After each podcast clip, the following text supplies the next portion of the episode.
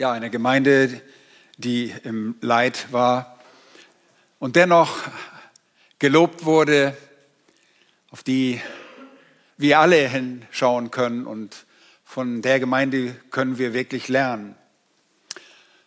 Und die Dinge, die dort geschehen und die geschehen werden mit dieser Gemeinde, sind Dinge, die wir auch erleben werden. Wir haben uns daran erinnert, dass jeder, der ein gottesfürchtiges Leben führen will, Verfolgung erleiden wird. Und wir werden genauso in der Lage sein, dem zu widerstehen, der die Werke des Teufels zerstören will. Das ist Satan. Dank der Kraft Gottes dürfen wir Überwinder sein. Nun, Paulus schreibt Dinge ein paar Jahre später, nachdem er mit seinen Brüdern in Thessalonich war und den Thessalonichern geschrieben hat, schreibt er auch den Römern. Und er schreibt er in Römerbrief Kapitel 2, Vers 5, aber aufgrund deiner Verstocktheit und deines unbußfertigen Herzens häufst du dir selbst Zorn auf für den Tag des Zorns und der Offenbarung des gerechten Gerichtes Gottes, der jedem vergelten wird nach seinen Werken, denen nämlich, die mit Ausdauer im Wirken des Guten Herrlichkeit, Ehre und Unvergänglichkeit erstreben, ewiges Leben. Denen aber, die selbstsüchtig und der Wahrheit ungehorsam sind, dagegen der Ungerechtigkeit gehorchen, äh, ungehorsam sind, dagegen der Ungerechtigkeit gehorchen, Grimm und Zorn, Drangsal und Angst über jede Menschenseele, die das Böse vollbringt, zuerst über den Juden, dann auch über den Griechen. Herrlichkeit aber und Ehre und Friede jedem, der das Gute tut, zuerst dem Juden, dann auch dem Griechen. Nun, das sind andere Worte, die genau das beschreiben, was wir auch gelesen haben. Die Offenbarung des Herrn Jesus Christus, sie bringt gerechtes Gericht. Und der Titel dieser Botschaft ist die Offenbarung Jesu bringt gerechte Vergeltung. Und es ist Teil 2. Und wir wollen uns in diesem zweiten Teil auf die Offenbarung des Herrn konzentrieren. Sie bringt gerechtes Gericht, sowohl Rache als auch Ruhe die jeweils als Vergeltung im Kontext seiner Erscheinung bzw. Wiederkunft ausgeführt wird. Der Gerechte wird als Vergeltung Ruhe erleben. Nun, diese Ruhe und Entspannung, haben wir letztes Mal gelernt, dass es Entspannung ist, die tritt bereits mit der Entrückung ein, aber sie wird ihren Höhepunkt in dem Friedensreich bei der Wiederkunft Jesu, bei der Wiederkunft des Herrn Jesus wird sie zur Vollkommenheit kommen. Der Gottlose hingegen wird Strafe erleiden, ewiges Verderben, abgekehrt vom Angesicht des Herrn und von der Herrlichkeit seiner Kraft. Und der Gottlose zur Zeit oder vor der Zeit des Kommen unseres Herrn Jesus Christus wird auch schon ins Gericht genommen, in die große Drangsalzeit. Auch das ist eine Phase des Gerichtes, aber sie wird erst vollkommen ersichtlich nachdem der Herr Jesus Christus als der Richter wiederkommt. Nun, wir haben letzten Sonntag gesehen, dass Gott jedem vergelten wird nach seinen Taten. Nun, da gibt es einen Unterschied, denn wir sind nicht beschäftigt mit Taten, um Gott so zu gefallen, dass er uns annehmen würde. Immer wieder versuchen Menschen durch Gesetzeswerke Gott zu gefallen. Aber diese Taten werden nicht vergolten, sondern sie werden abgelehnt.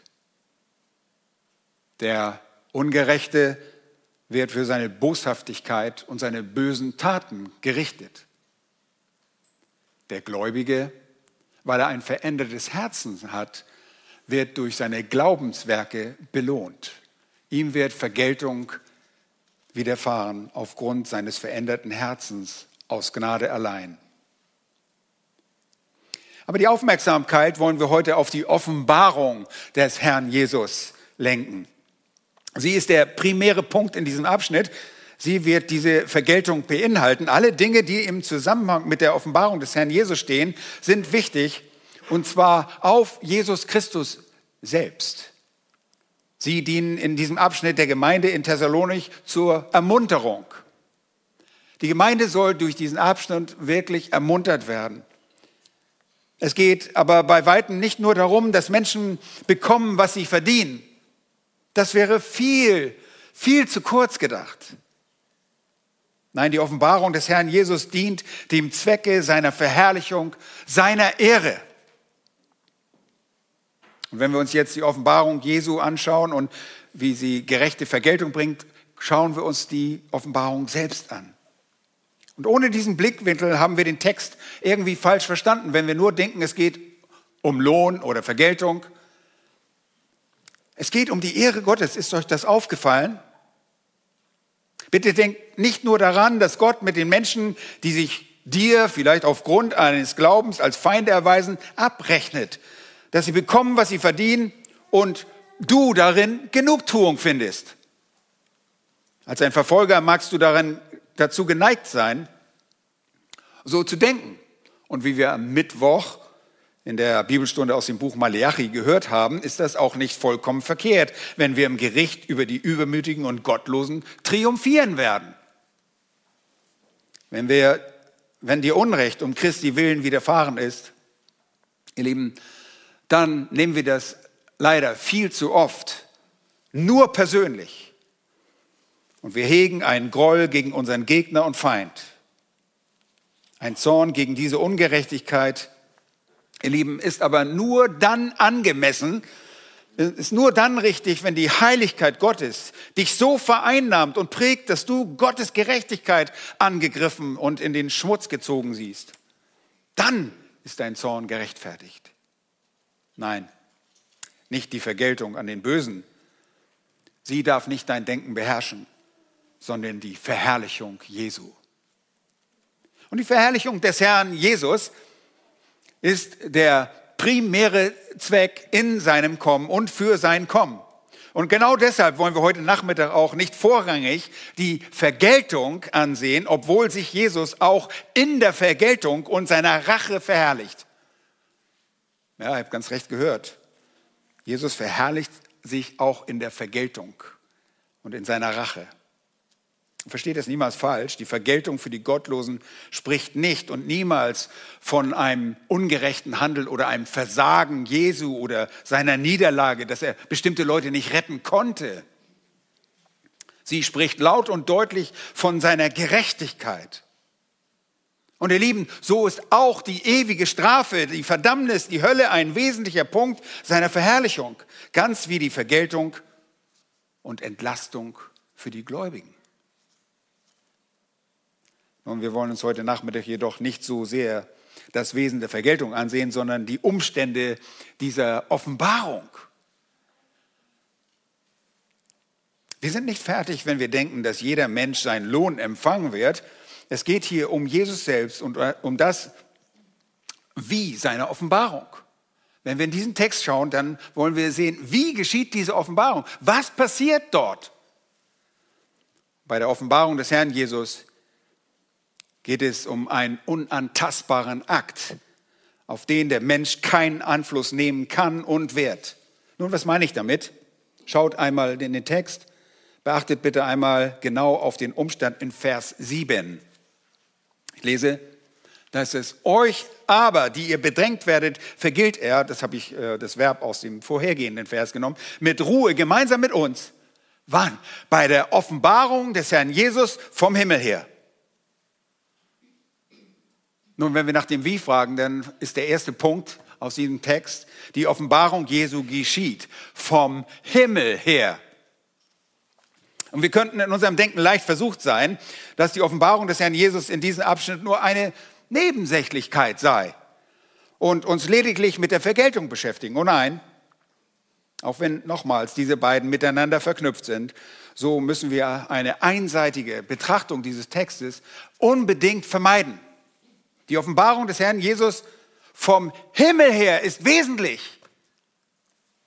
Sie geschieht für die dann noch lebenden Gottlosen Völlig unerwartet.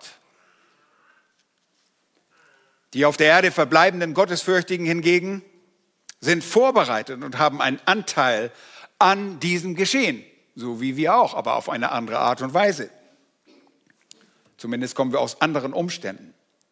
Ihnen wurde das Kommen des Herrn Jesus Christus zuvor deutlich angekündigt und auch erklärt. Zugleich werden an diesem Tag Heilige des Alten Testaments auferstehen. Die Gräber werden sich öffnen, die alttestamentlichen Heiligen werden ihre Leiber bekommen, wenn der Herr Jesus Christus wiederkommt. Ebenso auch die Märtyrer der Drangsalzeit zum Kommen des Herrn Jesus Christus. Sie werden ihre verherrlichten Leiber erhalten. Aber all jenen, denen zwar das Evangelium während der Drangsalzeit auf verschiedenste Weise nahegelegt wurde, und es wird ihnen deutlich nahegelegt, zum einen durch die 144.000, die während der Trübsal, der Drangsalzeit Jakobs tätig sein werden, zum anderen durch die zwei Zeugen Jahwes in Kapitel 11, die dort auftreten. Wir erkennen, dass sie auch das Evangelium verkündigen und auf eine ganz besondere Art und Weise durch einen Engel, der das Evangelium verkündigt. Unüberhörbar wird dieses Evangelium diesen Menschen gesagt. Diese Menschen, die dem nicht glauben, ihnen wird ein schreckliches Gericht begegnen. Sie werden an diesem einzigartigen Tag sehen, von wem dieses Gericht kommt. Und zwar dort werden sie es sehen, dort in dem Himmel. Dort am Himmel werden sie den sehen, dem sie nicht Glauben geschenkt haben. Dort am Himmel werden sie den sehen, den sie für einen gescheiterten Religionsstifter betrachtet haben. Dort am Himmel werden sie den sehen, der ihnen zu Weihnacht Anlass gab, an ein Baby im Stall von Bethlehem zu denken. Dort am Himmel Dort werden sie den lebendig sehen, den sie als tot erklärt haben. Dort am Himmel werden sie den sehen, dem sie unter keinen Umständen dienen wollten. Dort am Himmel werden sie den sehen, den sie weniger liebten als ihren Wohlstand und weniger als ihre soziale Anerkennung. Oh ja, dort am Himmel werden sie den sehen, der vor 2000 Jahren für die Erlösten gestorben und auferstanden ist. Und ihr Lieben, bei diesem Erscheinen im Himmel handelt es sich nicht um eine in den Himmel projizierte Lasershow. Es ist keine Lasershow. Wir wissen, dass es bereits heutzutage, so wie besonders in der Drangsalzeit, viele Irreführungen geben wird. Nicht in diesem Fall. Der Sohn Gottes, der Herr Jesus, wird bei seiner Offenbarung leibhaftig wiederkommen. Vom Himmel her. Und das ist keine der irdisch-satanischen Täuschungen, von denen es so viele in den Drangsaljahren für diese Menschen geben wird und die sie dann ihren Glauben schenken werden. Bei diesem Erscheinen handelt es sich auch nicht um eine Halluzination, eine vermeintlich eingebildete, durch Sinnestäuschung hervorgerufene Wahrnehmung. Es handelt sich nicht um ein Phantom, ein Trugbild. Nun, Sinnestäuschung, ihr Lieben, wird es vor der Offenbarung des Herrn Jesus viele geben. Denn durch die Zauberei Babylons, so sagt uns die Schrift, durch die sogenannte Pharmakeia dieser großen Stadt, Pharmakeia ist das Wort, wir kennen Pharmazie, das ist, wird verwendet für den Gebrauch oder die Verabreichung von Drogen. Menschen werden durch die sogenannte Pharmakeia dieser großen Stadt, werden alle Heidenvölker verführt werden. Offenbarung Kapitel 18, Vers 23. Es wird meistens auch als Zauberei weitergegeben. Nun, das Ereignis der Offenbarung des Herrn Jesus Christus, ihr Lieben, wird genauso real geschehen wie das erste Kommen unseres Herrn Jesus Christus. Dann und zu jedem von Gott bestimmten Zeitpunkt wird der Jesus in seiner unverschleierten Herrlichkeit vom Himmel her erscheinen. Halleluja. Hier ist, was geschehen wird. Und der Apostel Johannes sieht diese Ereignisse in seiner Vision im Voraus. Unglaublich. Wir wissen, was geschehen wird. Meine Güte, was für ein Privileg. Wir haben die Wahrheit und wir wissen, was geschehen wird. Stell dir vor, wir gehen zu unserem Bundeskanzler Scholz und sagen, hey, das und das wird geschehen. Du solltest auf deine Knie gehen. Das ist doch das, was wir den Menschen sagen müssen. Schaut bitte einmal, ihr könnt aufschlagen, Johannes äh, der, die Offenbarung des Johannes in Kapitel 19 und Vers 11 und die folgenden Verse, wie deutlich es dort beschrieben wird, wo Johannes, der Apostel, der an der Seite Jesu war während seines ersten Kommens, berichtet. Er berichtet von diesem Ereignis. Da heißt es in Offenbarung Kapitel 19, Vers 11, und ich sah den Himmel geöffnet. Und siehe, ein weißes Pferd, und der darauf saß, heißt der Treue und der Wahrhaftige. Und in Gerechtigkeit richtet und kämpft er. Seine Augen aber sind wie eine Feuerflamme. Und auf seinem Haupt sind viele Kronen und er trägt einen Namen geschrieben, den niemand kennt als nur er selbst. Und er ist bekleidet mit einem Gewand, das in Blut getaucht ist. Und sein Name heißt das Wort Gottes. Und die Heere im Himmel folgten ihm nach auf weißen Pferden und sie waren bekleidet mit weißer Leinwand und reiner Leinwand. Und aus seinem Mund geht ein scharfes Schwert hervor, damit er die Heidenvölker mit ihm schlage und er wird sie mit eisernem Stab weiden. Und er tritt die Weinkälte des Grimmes und des Zornes Gottes, des Allmächtigen. Und er trägt an seinem Gewand und an seiner Hüfte den Namen geschrieben, König der Könige und Herr der Herren. Oh ihr Lieben, in einem Nu werden die Völker, die Nationen begreifen, so wie auch das restliche übrig gebliebene Volk Israel, das alles zum, die alle zum Glauben kommen werden. Aber sie werden begreifen, diese Nationen werden begreifen, es geht um die Nationen, dass die ganze Verleugnung des Schöpfers, des Retters und Richter dieser Welt, Richter dieser Welt jetzt ein Ende gefunden hat. Schrecken und Furcht wird diese Menschen überfallen. Und sie werden eine größere Furcht erleben als diejenigen sie haben werden, die die Auferstehung der zwei Zeugen Jahwes in Offenbarung Kapitel 11, Vers 11 beobachten werden. Sie werden größere Furcht als die haben, die dann nach dem Auffahren der Zeugen in den Himmel auch das große Erdbeben erleben werden, von dem Offenbarung 11, Vers 13 berichtet. Größere Furcht als von irgendeinem anderen Ereignis wird es den gottlosen Menschen bringen, wenn sie den Herrn Jesus vom Himmel her kommen sehen. Und sie werden ihn als Richter erleben. Und er wird ihn als Vergelter, als den gerechten Gott der Rache, statt einem in ihrer Erinnerung lebenden Baby von Bethlehem begegnen. Seine Erscheinung in Herrlichkeit, ihr Lieben, wird Menschen überwältigen ganz wie sie damals selbst den gerechten Apostel Johannes in seiner Vorausschau auf den verherrlichten Jesus überwältigte. Erinnert ihr euch daran? Apostel, nicht Apostelgeschichte, Offenbarung, Kapitel 1, die Verse 12 bis 18. Nachdem Johannes dort in Kapitel 1 eine gewaltige Stimme gehört hatte, die mit ihm redete, da berichtete er ab Vers 12 in Kapitel 1. Dürft ihr auch aufschlagen. Offenbarung Kapitel 1 ab Vers 12. Dort sagt Johannes, also nachdem er diese gewaltige Stimme gehört hat, da wendet er sich um. Und ich wandte mich um, sagt er.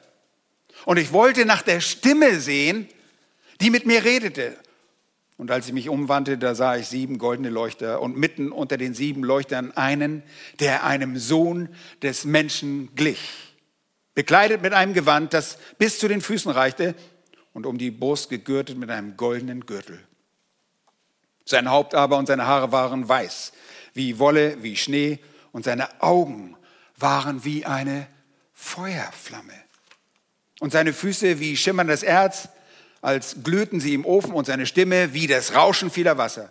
Und er hatte in seiner rechten Hand sieben Sterne, und aus seinem Mund ging ein scharfes, zweischneidiges Schwert hervor, und sein Angesicht leuchtete wie die Sonne in ihrer Kraft.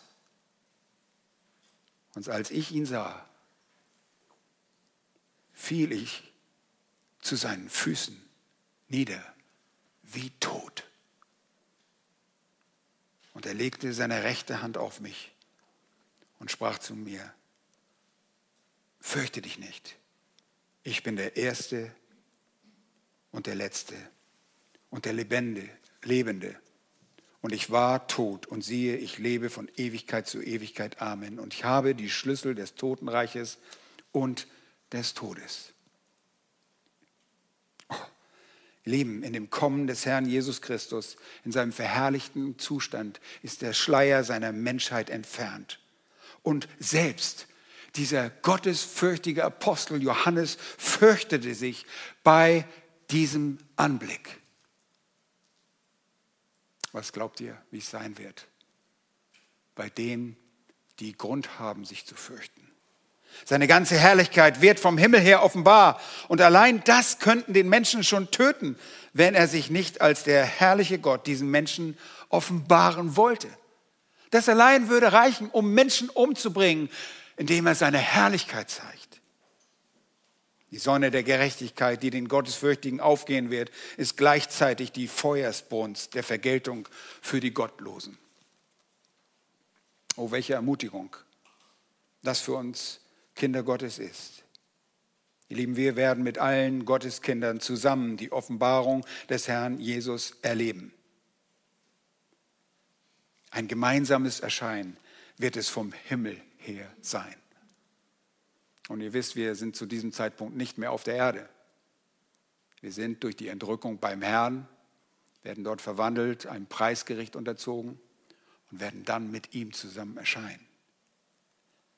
Ihr Lieben, wenn heutzutage und künftig immer wieder falsche Christusse auftreten werden, dann frage sie, wann sie vom Himmel her geoffenbart wurden.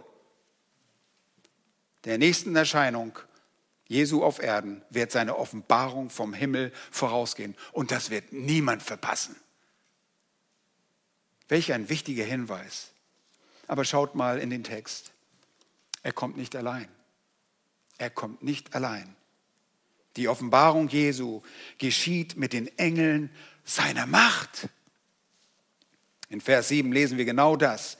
Vom Himmel her mit den Engeln seiner Macht. Er kommt nicht allein.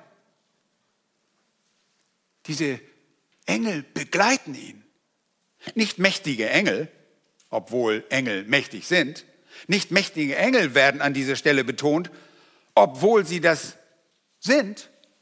Nein, hier wird die Macht, die Kraft, die Dynamis Jesu hervorgehoben, mit der er erscheinen und das Reich Gottes auf Erden errichten wird. Es ist die Kraft, die ihn als Richter und Vergelter auftreten lässt. Es ist diese Kraft, die uns als schwache Gefäße auf Erden und durch den Geist des Christus bewohnt. Der Mächtige ist Jesus, ist der Christus, Ihr Lieben, der einst dem Apostel Paulus in dessen Bewusstsein seiner Schwachheit belehrte und sagte, lass dir an meiner Gnade genügen. Denn meine Kraft, sagt der Herr, meine Kraft wird in der Schwachheit vollkommen. Und Paulus, als er das Begriff schlussfolgerte, richtig und sagte den Korinthern, darum will ich mich am liebsten vielmehr meine Schwachheiten rühmen, damit die Kraft des Christus bei mir wohne. Und er erinnert später, da sagt er, wenn er, das ist Jesus, aus, auch aus Schwachheit gekreuzigt wurde, so lebt er doch aus der Kraft Gottes. So sind auch wir zwar schwach in ihm, doch werden mit ihm leben aus der Kraft Gottes für euch. Ihr Lieben, er, der Herr Jesus Christus, ist der mächtige, kraftvolle Christus, der bei euch, der bei euch lebt und bei seinem Kommen offenbart wird. Und er wird nicht alleine kommen. Seine Engel begleiten ihn. Und seine Engel stehen dem Herrn, der Herren, dem König, der Könige, wie wir gelesen haben, sie stehen ihm zur Verfügung. Sie sind immer dienstbereit. Sie verweigern niemals den Dienst. Sie sind nicht wie die Dämonen, von denen man in der Offenbarung immer wieder liest. Sie gehorchen und fügen sich dem König in allem. Sie sind seine dienstbaren Geister und können alles tun, wozu der mächtige Herr Jesus Christus sie beauftragt, weil die zweite Person der Gottheit die Kraft Gottes besitzt. Außerdem wissen wir, besitzt unser Herr Jesus Christus alle Autorität. Autorität über alles und jeden Bereich. Und das wissen wir als Kinder Gottes das hat er uns mitgeteilt bei seinem ersten Kommen. Und ihr erinnert euch an den Missionsbefehlen oder beziehungsweise vor dem Missionsbefehl sagt Jesus Christus, mir ist gegeben alle Autorität. Das ist nicht die Macht, die, nicht die Dynamis, das ist die Autorität, mit der er diese Macht, diese Kraft ausüben kann. Mir ist gegeben diese Autorität. Wo? Im Himmel und auf Erden. Jemand, der alle Autorität und Kraft, die Dynamis besitzt, der ist allmächtig. Und genau das behauptet Jesus auch von sich und hat er bewiesen. Schon in seinem irdischen Dienst, wohl unter dem Schleier seiner Menschheit, tat er Dinge, die niemand sonst tun konnte. Aber Jesus sagt genau das. In der Offenbarung, Kapitel 1 und Vers 8, sagt er, ich bin das A und das O. Der Anfang und das Ende spricht der Herr. Der ist und der war, der kommt, der Allmächtige. Und bei dieser Erscheinung des Herrn Jesus vom Himmel her in Herrlichkeit schränkt der Herr Jesus seine Dynamos nicht mehr ein. Seine Kraft ist nicht mehr eingeschränkt. Er kommt nicht, um Erlöser der Menschen zu werden. Das war bei seinem ersten Kommen der Fall. Bei diesem Erscheinen, bei seiner Wiederkunft auf die Erde kommt er in voller Macht und das wird durch seine Begleiter unterstrichen, seine mächtigen Engel.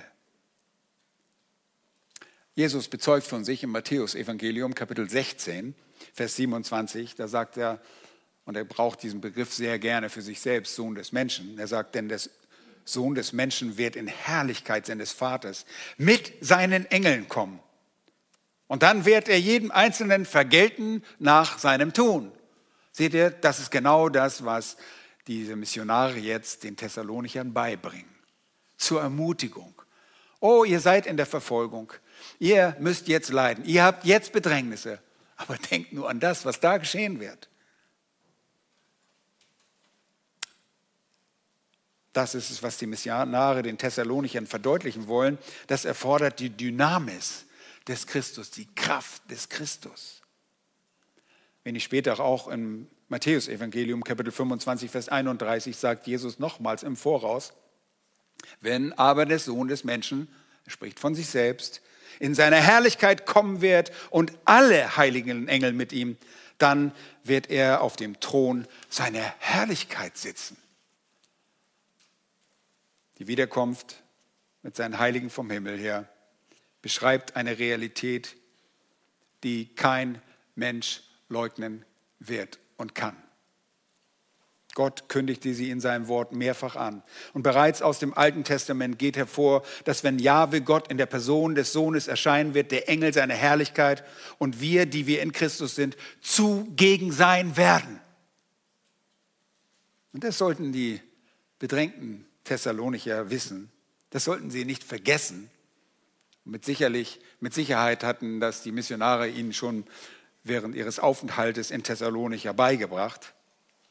Das sollten die bedrängten, verfolgten Thessalonicher wissen und es sollte sie ermutigen. Der Tag der Offenbarung Jesu vom Himmel her mit seinen Heiligen, allen Boten seiner Macht, wird kommen, denn genauso wurde es verheißen.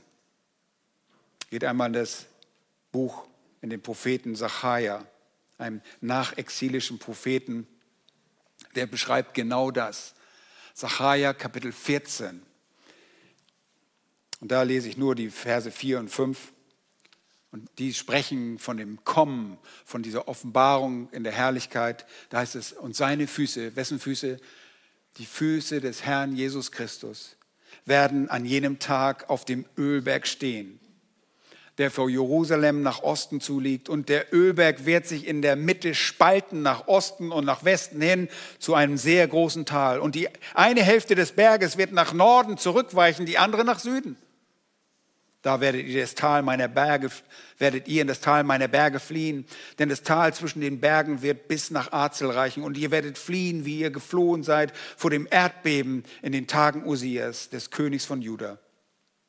Dann, dann wird Jahwe, mein Gott, kommen und alle Könige oder alle Heiligen mit ihm, sagt die revidierte Elberfelder. Schlachter sagt, alle mit dir. Diesen Wechsel sehen wir manchmal, dass Gott direkt angesprochen wird. Alle Heiligen werden mit ihm kommen. Und dabei sind die Engel gemeint und alle Verherrlichten aus der Gemeinde Jesu Christi werden mit ihm zurückkehren. Und wenn ihr noch nicht in Jerusalem wart, dann wird das und bis dahin auch nicht da sein werdet, dann wird das euer erstes Mal sein. Ihr werdet dort mit ihm sein. Keiner wird bezweifeln, dass er der König ist. Er wird in seiner ganzen Kraft vom Himmel her offenbart.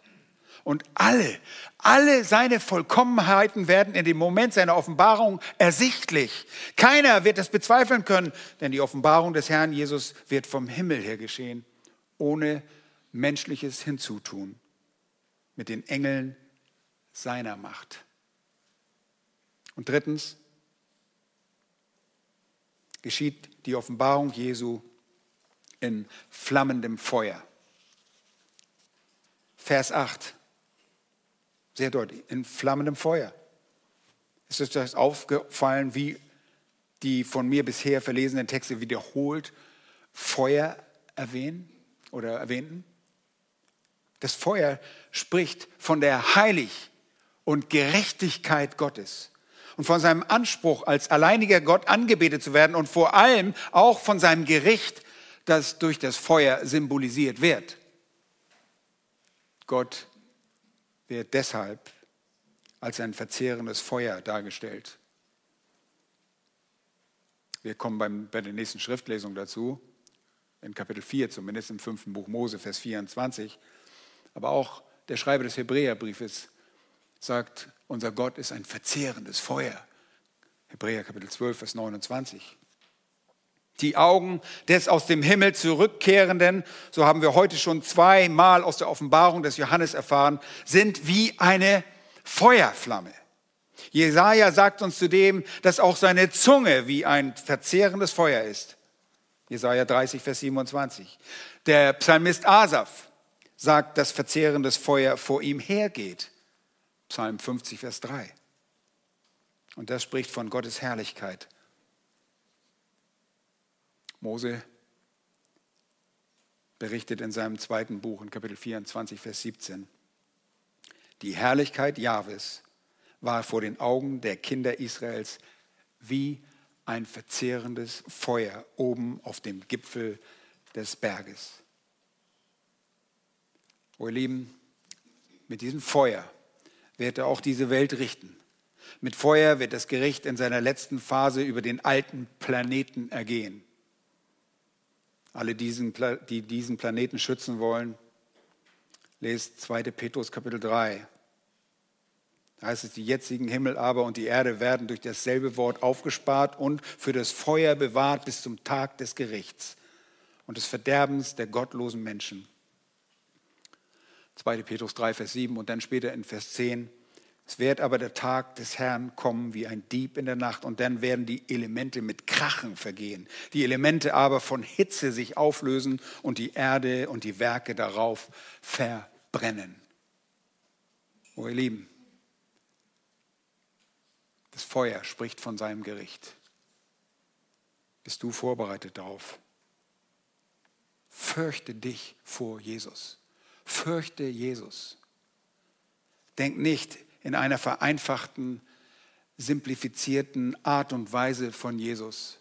Mein Kumpel, auf den ich mal heute Lust habe und morgen wieder nicht. Und na, ja, ich habe heute keine Lust mit ihm zu reden. Fürchte Jesus. Fürchte den heiligen Richter der Menschen. Denn auch wir, auch wir als Kinder Gottes mussten, müssen vor dem Richterstuhl Jesu Christi offenbar werden damit du das empfängst, was du durch deinen Leib gewirkt hast. Es sei gut oder nutzlos. Das könnt ihr nachlesen, 2. Korinther 5, Vers 10. Und ihr Lieben, das ist genau der Punkt. Die Thessalonicher mussten ermutigt werden, aber gleichzeitig den Herrn fürchten lernen mehr fürchten lernen. Sie fürchteten ihn schon. Sie glaubten an ihn. Sie setzten nämlich genau das um, was sie von den Missionaren gehört hatten. Sie waren bereits ein Zeugnis. Aber ihr Lieben, oft merken wir, und immer wenn wir sündigen, fürchten wir nicht den Herrn. Wir spielen es herab. Und du fragst, ja, wie mache ich das? Wie, wie fürchte ich den Herrn? Lies die Schrift mehr. Tu, was die Schrift sagt und lies in der Schrift, bis du den Herrn fürchtest, bis du davor Angst hast. Das ist angemessener Furcht. Furcht, die dich dazu bewegt, ihm zu gehorchen. Das ist nicht, wo du einfach sagst, ab jetzt stelle ich meinen inneren Modus um und jetzt fürchte ich Gott. Das passiert nicht auf diese Art und Weise. Wenn du fürchtest, dann gehst du in dieses Wort, in das Wort Gottes. Dann gehorchst du deinem Gott bis zum Letzten. Du meidest die Sünde. Du reinigst dich, weil er rein ist. Und du wirst ihn fürchten lernen. Und er kommt im flammenden Feuer. Aber das ist nicht alles. Die Offenbarung geschieht auch als Darstellung seiner Herrlichkeit. Da heißt es in Vers 10, an jenem Tag, wenn er kommen wird, um verherrlicht zu werden in seinen Heiligen und bewundert in denen, die glauben, denn unser Zeugnis hat bei euch Glauben gefunden. Und man könnte diesen Text an dieser Stelle etwas anders übersetzen, meines Erachtens etwas besser übersetzen und sagen, wenn er kommt, um an jenem Tag in seinen Heiligen verherrlicht zu werden.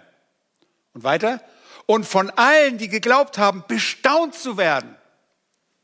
Denn unser Zeugnis an euch wurde geglaubt. Also erstens, wird seine Herrlichkeit in den Heiligen dargestellt. Ganz wie es dort heißt, um verherrlicht zu werden in seinen Heiligen. Nun, die Herrlichkeit des Herrn Jesus wird in den Heiligen geoffenbart. Und zwar in den Heiligen, die an seiner Seite kommen werden. Diese Verherrlichung erwähnte Jesus in seinem Gebet zum Vater. Vielleicht erinnert euch, in Johannes Kapitel 17 und Vers 10 betet Jesus zu seinem Vater für die, für solche, die der Vater ihm gegeben hatte und sagte, und alles, was mein ist, das ist dein, und was dein ist, das ist mein, und ich bin in ihnen, das ist, sind die, die er ihm gegeben hatte, alle Gläubigen. Ich bin in ihnen verherrlicht. Oh, wie kann das geschehen? Was zeigt die Herrlichkeit des Herrn Jesus in einem gläubigen Menschen? Nun, Heilige, es sind keine Übermenschen, sondern solche, die durch den Herrn Jesus aufgrund ihres Glaubens und aus Gnade allein gerechtfertigt wurden und deshalb als Heilige bezeichnet werden und als solche lebend und zunehmend mehr ein heiliges Leben führen, weil wir durch ihn selbst geheiligt werden. Unsere Heiligkeit besteht in der stellungsmäßigen und in der praktischen Absonderung für Gott. Wir lehnen die Wege der Welt ab und sagen, da gehen wir nicht mit. Wir leben für Gott. Wir sondern uns für Gott ab. Unser Leben soll Gott dienen. Wir heilen uns praktisch in der Absonderung von der Welt und werden aus diesem Grund, wenn wir Gott für, gottesfürchtig leben, auch Verfolgung erleben. Wir passen nicht in diese Welt. Diese Welt ist nicht unser Zuhause. Wir sind hier Pilger. Wir sind unterwegs zu der ewigen Stadt. Und deshalb werden wir in dieser Welt gehasst. Und das war genau der Fall bei diesen glaubenstreuen Thessalonichern. Sie strebten danach, sich zu heiligen, denn erinnert euch, Heiligung, so hatten sie im ersten Thessalonicher Brief gelernt, ist der Wille Gottes für alle die in Christus Jesus sind. Und nun heißt es im Brief tatsächlich, wenn er kommen wird, um verherrlicht zu werden, in seinen Heiligen.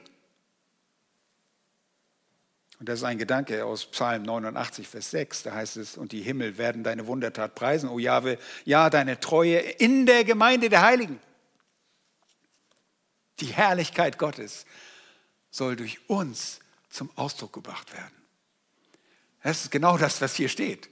Ihm sei Ehre, ihm sei die Herrlichkeit in der Gemeinde. Die schwebt nicht irgendwo hier rum, die soll in uns sichtbar werden.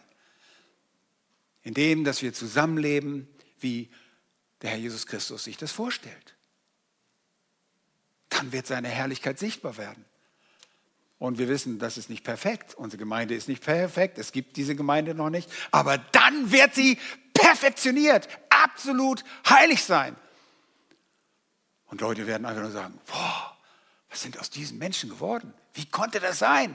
Ich kenne den doch noch. Ich weiß doch, wie der war. Der hat alle zwei Wochen, kam der mit derselben Sünde bei mir an. Zwei Wochen ist ja eine lange Zeit. Einige kommen jeden Tag bei mir an und sagen, ich habe schon wieder das gemacht, ich habe schon wieder das gemacht. Wisst ihr was? Das wird vorbei sein. Die Heiligen werden an jenem Tag mit ihren verherrlichten Leibern dem Herrn gleich sein. Seine Treue sorgt dafür, dass wir bis zum Ende ausharren und ihn preisen. Und dann werden wir kommen. Wisst ihr, was nicht dabei ist? Diese ständig uns leicht umstrickende Sünde. Die ist weg. Oh, das ist wie, als wenn zentnerweise Steine von eurem Körper herabgefallen sind. Und ihr seid völlig erleichtert. Aber nicht für euch selbst, sondern damit ihr den Herrn verherrlicht. Und so wird der Herr durch dieses Werk, durch diese Perfektionierung, wenn wir dann mit ihm zurückkehren, als Verherrlichte zu seiner Ehre kommen. Wir werden in der ersten Phase am Tag des Herrn belohnt und werden in der zweiten Phase bei seinem Kommen vom Himmel her seine Verherrlichung in uns sehen. Das wird uns wahrscheinlich alle sprachlos machen, außer dass wir ihn preisen. Wir werden ohne Fehl und Makel, ohne die so lästige Sünde sein, die selbst, ja ganz genau, den Heiligen noch immer zur Last fällt. Und alle, die Gott lieben, werden sein wie die Sonne in ihrer Macht, heißt es eigentlich. Das ist auch die Dynamis. Die Verfolgung endet mit einer Verherrlichung des Herrn Jesus, dessen Werk sichtbar werden wird in dem Leben der Heiligen. Oh ja, du magst belächelt werden, du magst, magst um deines Glaubens willen geschlagen werden. Du magst Entbehrung erfahren. Ihr Lieben, das, das Glaubensleben ist kein Spaziergang. das sollten wir jedem sagen, dem wir auffordern, das, dem Evangelium zu glauben den Befehl erteilen, tu Buße, das ist nicht einfach. Das Christsein ist überhaupt nicht einfach, es ist schwierig. Aber die Erleichterung kommt darin, indem wir einen Ausblick auf das Ende haben werden. Wenn ich immer sagen müsste, oh, vielleicht komme ich gar nicht da an, vielleicht, vielleicht erreiche ich das Endziel gar nicht. Aber genau das zeigt der Herr Jesus Christus in seinem Wort, dass wir ankommen, weil er uns dahin bringt. Er sorgt dafür die dem Herrn Jesus im Himmel an der Seite gestellt Heiligen werden seine Herrlichkeit widerspiegeln. Wir werden nicht als solche, die noch immer für Sünde anfällig sind, den Himmel mit unserem König verlassen, um auf die Erde zu kommen. Nein. Oh, ich habe immer gedacht, meine Güte, was ist, wenn ich denn auf der Erde bin und wieder in Sünde fall? Das wäre schrecklich. Nein, nicht möglich. Unmöglich. Und das ist es, was zum zweiten Aspekt führt. Und das ist die Bewunderung durch die Gläubigen. Wir übersetzen also, und ich denke folgerichtig, wenn er kommt, um an jedem Tag seinen Heiligten verherrlicht zu werden und von allen, die geglaubt haben, bestaunt zu werden. Denn unser Zeugnis an euch wurde geglaubt. Jesu Gnade wird in den Heiligen geoffenbart es wird da, er wird dadurch verherrlicht. Und wenn Jesus auf die Erde zurückkehrt, und das werdet ihr auch, liebe Thessalonicher, dann werdet ihr um Jesu willen der Gegenstand seiner Verherrlichung sein. Und zweitens, und er wird offenbart, um, allen Glaubenden, um von allen Glaubenden bestaunt zu werden. Ich meine, wir staunen jetzt schon, wenn wir in die Schrift hineingucken. Das werden all diejenigen tun, die geglaubt haben. So drücken es die Missionare den Thessalonichern gegenüber sehr persönlich aus. Warum? Weil ihr unserem Zeugnis geglaubt habt. Was? Mehr ist da nicht dran? Nein, mehr ist da nicht dran. Ihr habt unserem Zeugnis von dem Herrn Jesus Christus geglaubt. Diese Worte erinnern die beunruhigten Thessalonicher daran, dass sie sich selbst an der Herrlichkeit und dem Staunen jenes Tages, dass sie daran teilhaben werden. Und warum konnte das so sein? Weil sie sich in einem entscheidenden Augenblick dem Evangelium persönlich hingegeben hatten. Sie konnten aufgrund des Glaubens mit der beständigen, mit der beständigen Hoffnung und Gewissheit leben, dass sie zu den Staunenden, diesen Bewunderern Jesu bei dessen Offenbarung gehören werden. Ich weiß nicht, wie das sein wird. Ich habe euch vorhin die Stelle aus Offenbarung 19 vorgelesen, dass wir auf, vermutlich auf diesen weißen Pferden an seiner Seite reiten und ich, ich, wir staunen und können fast nicht reiten, weil es, das lenkt dermaßen ab, wenn wir so einen herrlichen König neben uns haben.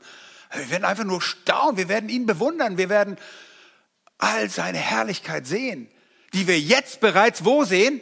Auf den Seiten der Schrift. Schaut in die Schrift, dann werdet ihr diese Herrlichkeit sehen.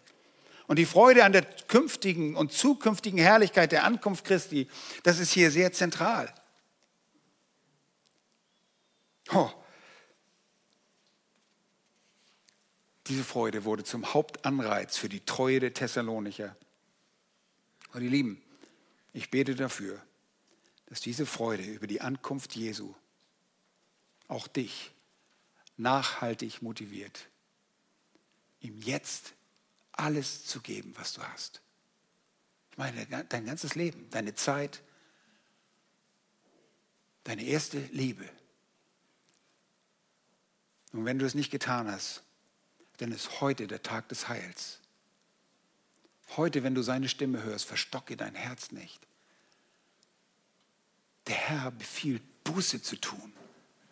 Tu Buße und glaub an das Evangelium von Jesus Christus. Wenn du das tust, dann wirst du die Gewissheit haben, dass du an diesem Tag nicht von diesem herrlichen, von diesem schrecklichen, verzehrenden Feuer gerichtet wirst, sondern mit ihm vom Himmel her, mit seinen heiligen Engeln im flammenden Feuer wirst du Instrument und ihm dienstbar sein, bis in alle Ewigkeit. Bist du da? Dann freu dich. Bist du es nicht? Dann fürchte dich. Und mach heute, bereite heute der Furcht ein Ende und glaube an ihn. Amen. Lass uns beten. Herr Jesus Christus, Du bist ein herrlicher Gott. Und du verstehst es, uns zu trösten. In allen Schwierigkeiten, in allen Entbehrungen um deines Namens willen. Herr, wir müssen zugeben, dass in unserem Leben wir oftmals nicht bereit sind, schon die kleinen Dinge zu überwinden, die kleinen Entfernungen zu überbrücken, die kleinen Dinge aufzugeben weil wir immer nur denken, du bist ja der Gute, der Vergebende, der sein Auge sicherlich zudrücken wird. Du bist der Heilige. Du musst mit der Sünde ins Gericht gehen. Du bist mit der Sünde für uns ins Gericht gegangen. Als du gekommen bist, bist du nicht gekommen, um zu richten, sondern gerichtet zu werden für unsere Sünde. Du bist ans Kreuz gegangen für unsere Schuld. Und Herr, wie sollten wir uns nicht dir ganz geben. Wenn du uns schon alles gegeben hast, wie sollten wir dir nicht alles geben? O Herr, vergib uns, reinige uns davon, dass wir immer so sehr von unserer Selbstliebe getrieben werden. Herr, lehre uns dein Wort zu lieben, heilige uns durch dein Wort, wir wissen, dass dies Herrn Furcht, deine Furcht, der Anfang der Erkenntnis ist. Führe uns zu der Erkenntnis deiner selbst, zu einer intimen Beziehung mit dir, dass wir dich mehr lieben als alles andere in dieser Welt, sodass auch keine Verfolgung und kein Leid uns abschrecken können, weil wir das Ende kennen. Herr, wir wissen, dass du, Herr Jesus, wiederkommen wirst in der Offenbarung deiner selbst vom Himmel her. Herr, du wirst kommen mit den Engeln deiner Macht und wir an deiner Seite. Du wirst kommen als der Richter im flammenden Feuer. Und du wirst kommen, indem du deine Herrlichkeit darstellst, in uns und um bestaunt zu werden. Wir danken dir von ganzem Herzen dafür. Und wenn jemand hier ist, der dich nicht kennt, der alles gehört hat und dem Evangelium nicht gehorsam ist, o Herr, Schenke dieser Person große Furcht, schlaflose Nächte, bis diese Seele sich vor dir beugt, in Bußfertigkeit, dich willkommen zu heißen und dir zu dienen. In Jesu Namen. Amen.